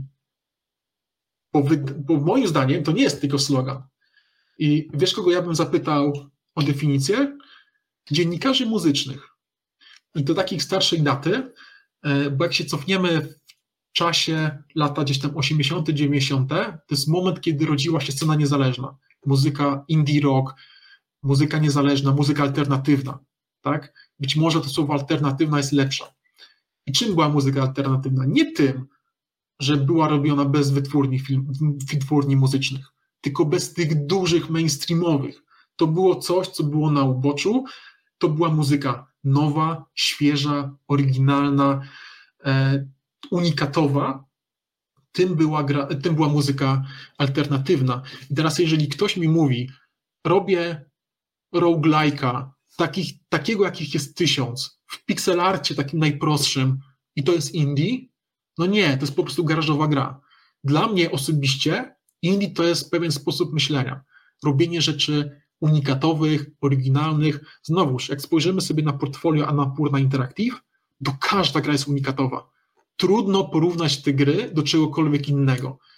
Nie ma tam żadnej gry odtwórczej. Dla mnie osobiście to jest indie. Żeby było jasne, ja nie widzę na giełdzie studiów, które robią tego typu gry, chociaż być może The Alters będzie grą na tyle, ile wiemy i z opinii, które są dostępne, albo wiemy, ale jeszcze nie możemy powiedzieć. Jest to gra na pewno unikatowa. Pytanie, czy gra w takiej skali budżetowej może być grą indie, czy tam grą taką, z takiego nurtu alternatywnego. No właśnie, dlatego ja wspomniałem, że to jest już używane jako taki slogan, bo mhm. to też bardzo ważne, co ty powiedziałeś, że powinno się zastanowić nad, nad tym, czym w ogóle jest indie i mi się mhm. wydaje, że jeszcze, jeszcze jak tak naprawdę prze, przerzuciłem tonę materiałów, to nie do końca znalazłem odpowiedź mhm. na to pytanie. Wiesz co, my w ogóle być może powinniśmy przeorać całą nazewnictwo, całe nazewnictwo gier, tak? Bo mamy, wiemy czym jest gra AAA. Jakby to jest ogólnie wiadomo, wysokobudżetowe gry. AA, no to są gry gdzieś tam wysokie production value, ale jednak mniejsza skala. I mamy indie, a być może powinno być gry 1A, które są po prostu małymi grami, małymi budżetami, 2A, 3A, czasami się mówi o 4A, czyli to już są te gry z budżetem gdzieś tam powyżej 200 milionów dolarów typu gry Naughty Dog. I obok tego powinny być gry indie i być może też indie premium, bo jednak jak patrzymy na Stray, no to tam był jednak solidny budżet, tak? I ciężko porównać Stray do na przykład Super Meat Boya. Nie wiem, czy oglądałeś film Indie Game The Movie, w jaki sposób absolutnie polecam, bo to jest klasyk z czasów, kiedy scena indie się rodziła. E, I tam jest bardzo fajny przykład. Między innymi są opisywani twórcy Super Meat Boya. Ich było dwóch. To był Edmund Macmillan, który był takim typowym amerykańskim E, kurpulentnym facetem, który mieszkał ze swoją kurpulentną dziewczyną, wcinali chipsy. Tak zostali przedstawieni, żeby, żeby było jasne. E, trochę było to, to śmieszne, bo oni tak wyglądali, że oni siedzieli na kanapie i opowiadali, że robią grę, ale ciągle siedzieli na tej kanapie. No i drugi twórca Super Meat Boya, Tommy, którego nazwiska nie pamiętam, to po nim było widać, że facet pod koniec pracy nad grą był trupem. On mówił, nie mam pieniędzy, nie mam życia towarzyskiego, nie mam przyjaciół, wspiera mnie rodzina, żebym tylko tę grę skończył. On wyglądał na tym filmie naprawdę fatalnie. Dzisiaj jest milionerem dzięki tej grze, ale no jednak ciężko porównać człowieka, który poświęca wszystko, żeby zrobić dzieło swojego życia, ze studiami, które robią coś unikatowego, ale mają ze sobą wydawcę, inwestora i, i duże pieniądze. Tak więc rozróżniłbym indie, indie premium, ale jednak wiele gier dla mnie, które, o których się mówi, że są indie, one nie są indie. Są po prostu małymi grami, garażowymi czasami, ale czy indie w mojej definicji niekoniecznie. No dobrze. W każdym razie na giełdzie. Prawie się zgodziliśmy. Prawie tak, się zgodziliśmy. W każdym razie na giełdzie niespecjalnie widzę po prostu tego typu studia. Też nie wiem, czy. Czyli czy jest potrzeba bycia tak, indie na giełdzie, tak. nie? Bo na giełdzie się, tak jak też o tym nieraz e, już dzisiaj powiedziałeś, na giełdzie się za, ma zarabiać i tyle. Tak? Trzeba być indie. Może inaczej. W całym biznesie ma się zarabiać, bo zakładać firmę po to, żeby nie zarabiać, to też... Tak, ja, ale... ja się akurat z tobą nie zgodzę, że, że są twórcy, którzy robią gry, żeby zrobić, a nie muszą na niej zarobić, bo no nie ma moim zdaniem wielkiej cnoty w tym, że zrobisz grę i, i nikt jej nie kupi. Moim zdaniem na tym polega prawdziwe mistrzostwo, że zrobisz coś bardzo jakościowego i ludzie będą chcieli to kupić. Dla mnie to jest mistrzostwo dopiero. Tak, tak, tylko że ja po prostu tych ludzi nazywam marzycielami. Nie? Że okay. po prostu chcą zrobić coś, co im się marzyło. A jeżeli się sprzeda, to fajnie, jeżeli nie, no to tragedia, trzeba wracać do, normalnej pracy. No dobrze, dobrze. To z, no to prawie się zgodziliśmy. Okej, okay, na tak. tym się zatrzymajmy. Innymi drogami, ale prawie się zgodziliśmy. Mhm. Ostatnie pytanie o, o jakby wpływ bycia na giełdzie, wpływ bycia na giełdzie na studia, to jest e, o spółkę Playway. Mhm. Już wspomniałeś o tym, o temacie tak zwanych preprodukcji, mhm. czy też badania rynku, e, mhm. który, który to temat co jakiś czas wraca, a chodzi mianowicie o to zakładanie kart Steam, które później są, jeżeli im wishlista nie urośnie, to są porzucane te projekty. Mhm. I sam kiedyś napisałeś o tym artykuł trzy lata temu, mhm. gdzie rozważałeś, czy to jest etyczne, czy nie, czy mhm. to jest coś złego, czy, czy może pomóc nawet ludziom, bo przecież wtedy spółka dostarcza gry, które, które ludzie chcą. Mhm. A temat też został podniesiony na Twitterze jakoś e, miesiąc temu. Był taki post Piotra Gnypa, e, gdzie on pokazał tabelkę, ile jest e, mhm. top wishlist bodajże i zapowiedzianych gier i tam Playway miał 72 gry. I ja ci powiem, że Sprawdziłem część tych gier tak mhm. wyrywkowo i mi się wydaje, że już Playway tak nie robi do mhm. końca, albo na mniejszą, dużo mniejszą skalę. I co ty o tym możesz powiedzieć? Ja znalazłem kilka gier, które gdzieś tam kiedyś były i sobie, sobie umarły, e, na przykład e, Samurai Simulator, gdzie mhm. karta była w 2020 roku założona. Nawet miał sporą wishlistę, bo tam było 8 tysięcy, znaczy wishlistę followersów mogę sobie zobaczyć, nie? Ale to chyba jest tak, że jakieś ileś followersów, to wishlisty jest ileś tam więcej, gdzieś tam mhm. takie, tak słyszałem. E, I, I, tam nawet sporo tego było. Był tak, była taka gra Supermarket Manager, mhm. E, gdzie też e, nawet chyba w studio, które ją jest na karcie jako twórca, gdzieś tam już wykreśliło ze swoich stron. Fisherman Haven, Cliffsiders, Post-Apo Mechanic Simulator, to każdy, kto słucha, może sobie sam zobaczyć potem te karty, że one są martwe już od dawna, a na przykład ten Post-Apo Mechanic Simulator e, już też nie ma po prostu śladu na stronie twórców i ale to są jakby stare karty i mi się wydaje, że Playway już chyba tak nie robi. Co o tym myślisz? Oj, Bo na mniejszą skalę. Kolejny długi temat. E, pamiętam czasy, kiedy na Playwaya spadła całkiem spora fala krytyki e, osób gdzieś tam wokół mediów growych, przynajmniej niektórych, e, za te preprodukcje. Ja byłem jednak w tej grupie, która Playwaya nie potępiała. Moim zdaniem, ja mam duży szacunek dla, dla tej firmy. Jest takie mądre powiedzenie, że skuteczność jest miarą prawdy mało jest w Polsce spółek game tak skutecznych jak Playway. Jak się spojrzy, ile ta firma zarabia, no to sorry, ale oni są ultra, ultra skuteczni, tak? E, I masę deweloperów w Polsce może im pozazdrościć wyników. Czym oni to osiągnęli? Między innymi tym, że nie przepalali pieniędzy na projekty, które nie były tego warte. I teraz to nie jest tak, że preprodukcja to jest jedyny sposób na sprawdzanie, czy warto pewne rzeczy robić, czy nie. E, zobacz, co się dzieje na rynku mobilnym, gdzie jest coś takiego jak soft launch. On polega na tym, że wypuszczasz grę na poziomie, powiedzmy, bety, w jakimś tam, nie wiem, Filipinach i sprawdzasz, jak ona konwertuje, tak? Bo to jest w przypadku gier mobilnych dosyć istotne, tam jest zupełnie inny sposób projektowania tych gier. I są gry, które są porzucane na tym etapie, tak? Bo się okazuje, że nie są w stanie przyciągnąć ludzi do, do grania. Gry już na bardzo zaawansowanym poziomie to się robi, bo lepiej zrobić coś takiego i grę porzucić, niż ją wydawać.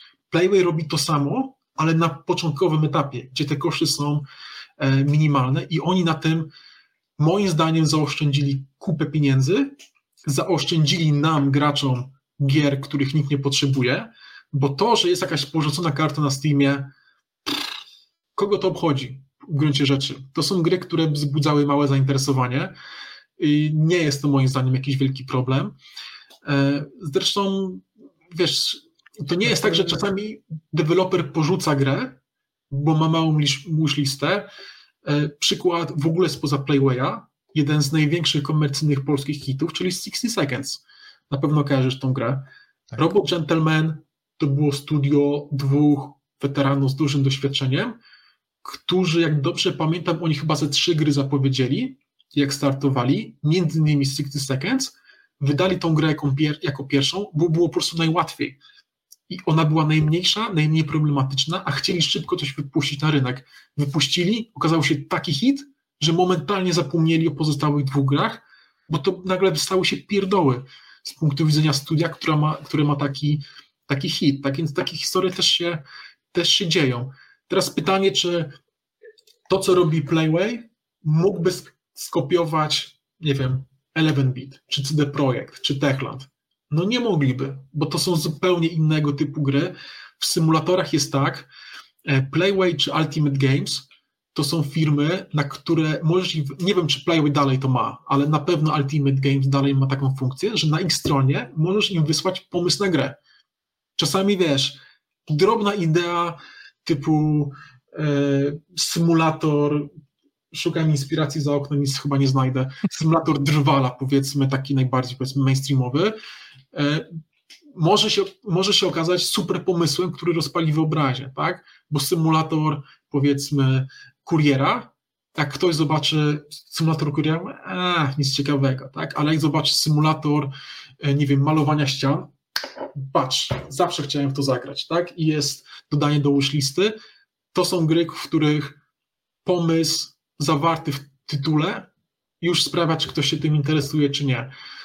Tego nie zrobi Eleven Beat, tego nie zrobi CD Projekt, czego nie zrobi Techland, już upomijając, że to jest w ogóle zupełnie inna skala gier to jest coś, co może robić sobie Playway. Ja nie mam z tym problemu, że oni to robią. To, co mówiłeś, faktycznie tych preprodukcji jest dużo mniej. E, pytanie dlaczego? E, nie wiem, szczerze mówiąc. Też jest tak, że jednak Playway ma masę pomysłów już przerobionych i pewnie też mają masę pomysłów, których wiedzą, że się po prostu sprawdzają.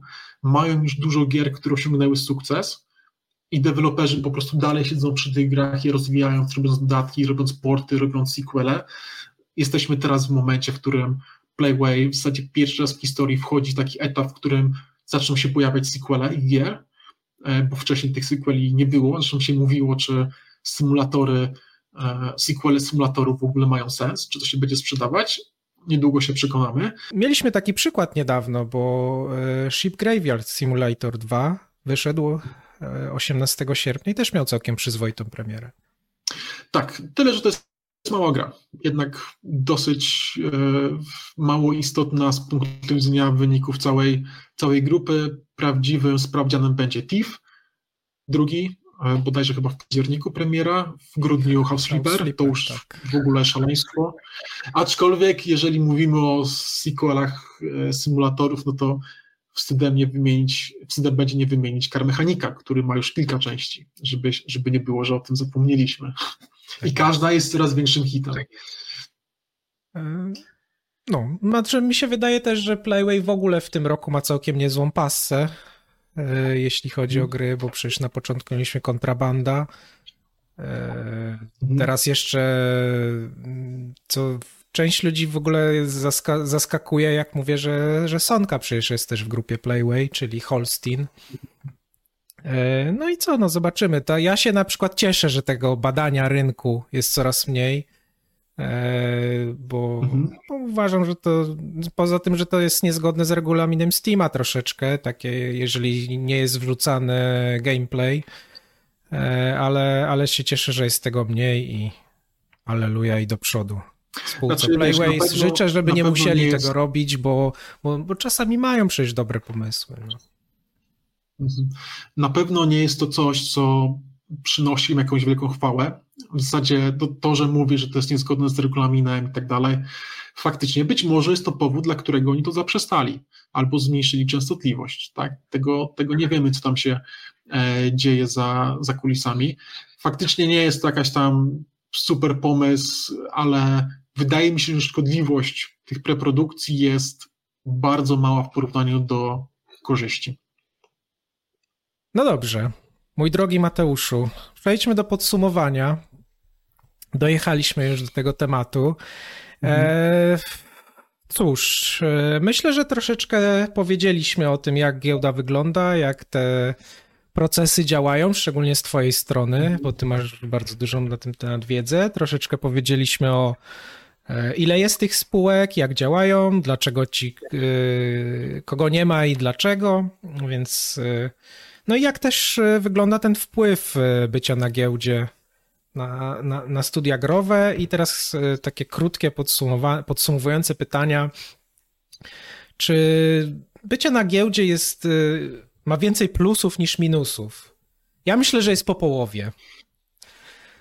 Bo e, dostajesz to finansowanie, chociaż nie, nie jest ono mhm. gwarantowane oczywiście, no ale z drugiej strony też troszeczkę sobie wiążesz ręce, musząc y, skupiać dużo energii na, te, na to, jak utrzymać te relacje inwestorskie, szczególnie jeżeli jeszcze kolejne pakiety akcji chcesz sobie emitować, więc y, mhm. myślę, że jest po połowie.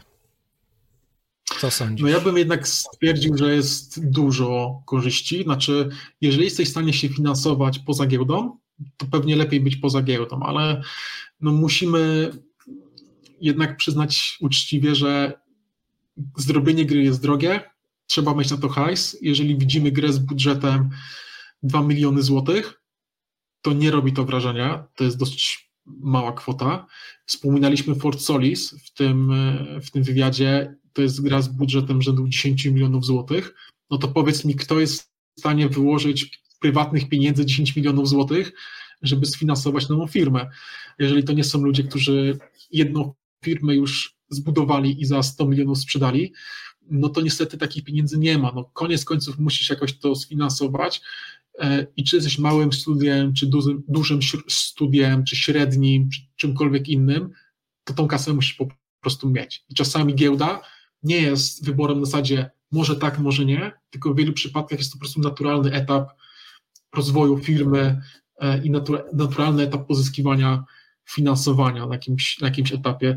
Zresztą w ogóle o finansowaniu można, można dużo powiedzieć.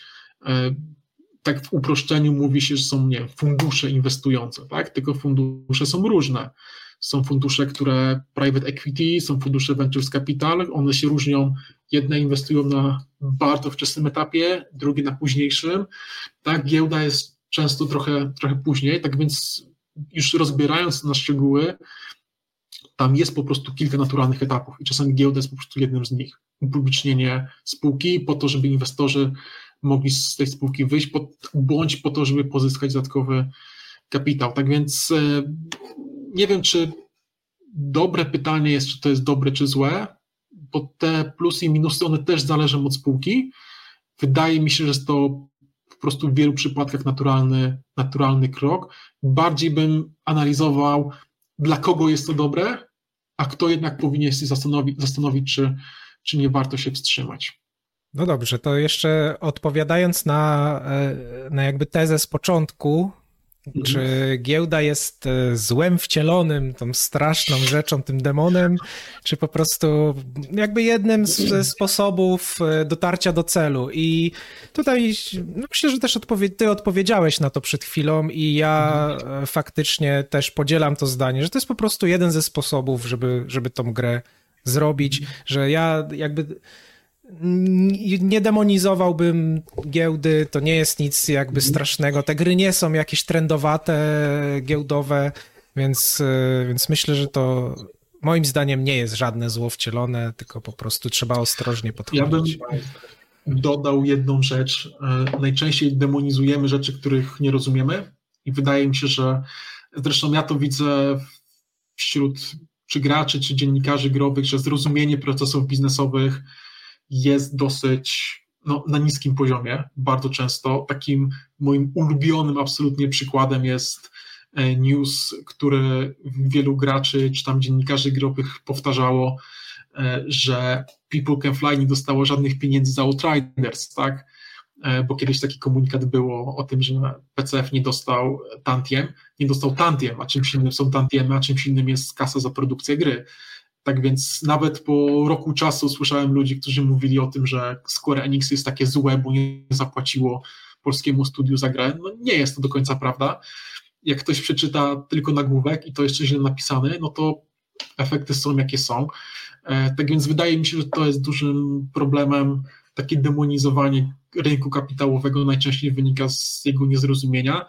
Aczkolwiek nie dziwię się ludziom, którzy nie interesują się tym, nie znają się tym, a potem czytają o newsy pod tytułem Simfabrik jest wyceniany na kilkaset, kilkaset milionów złotych, bo takie sytuacje miały miejsce.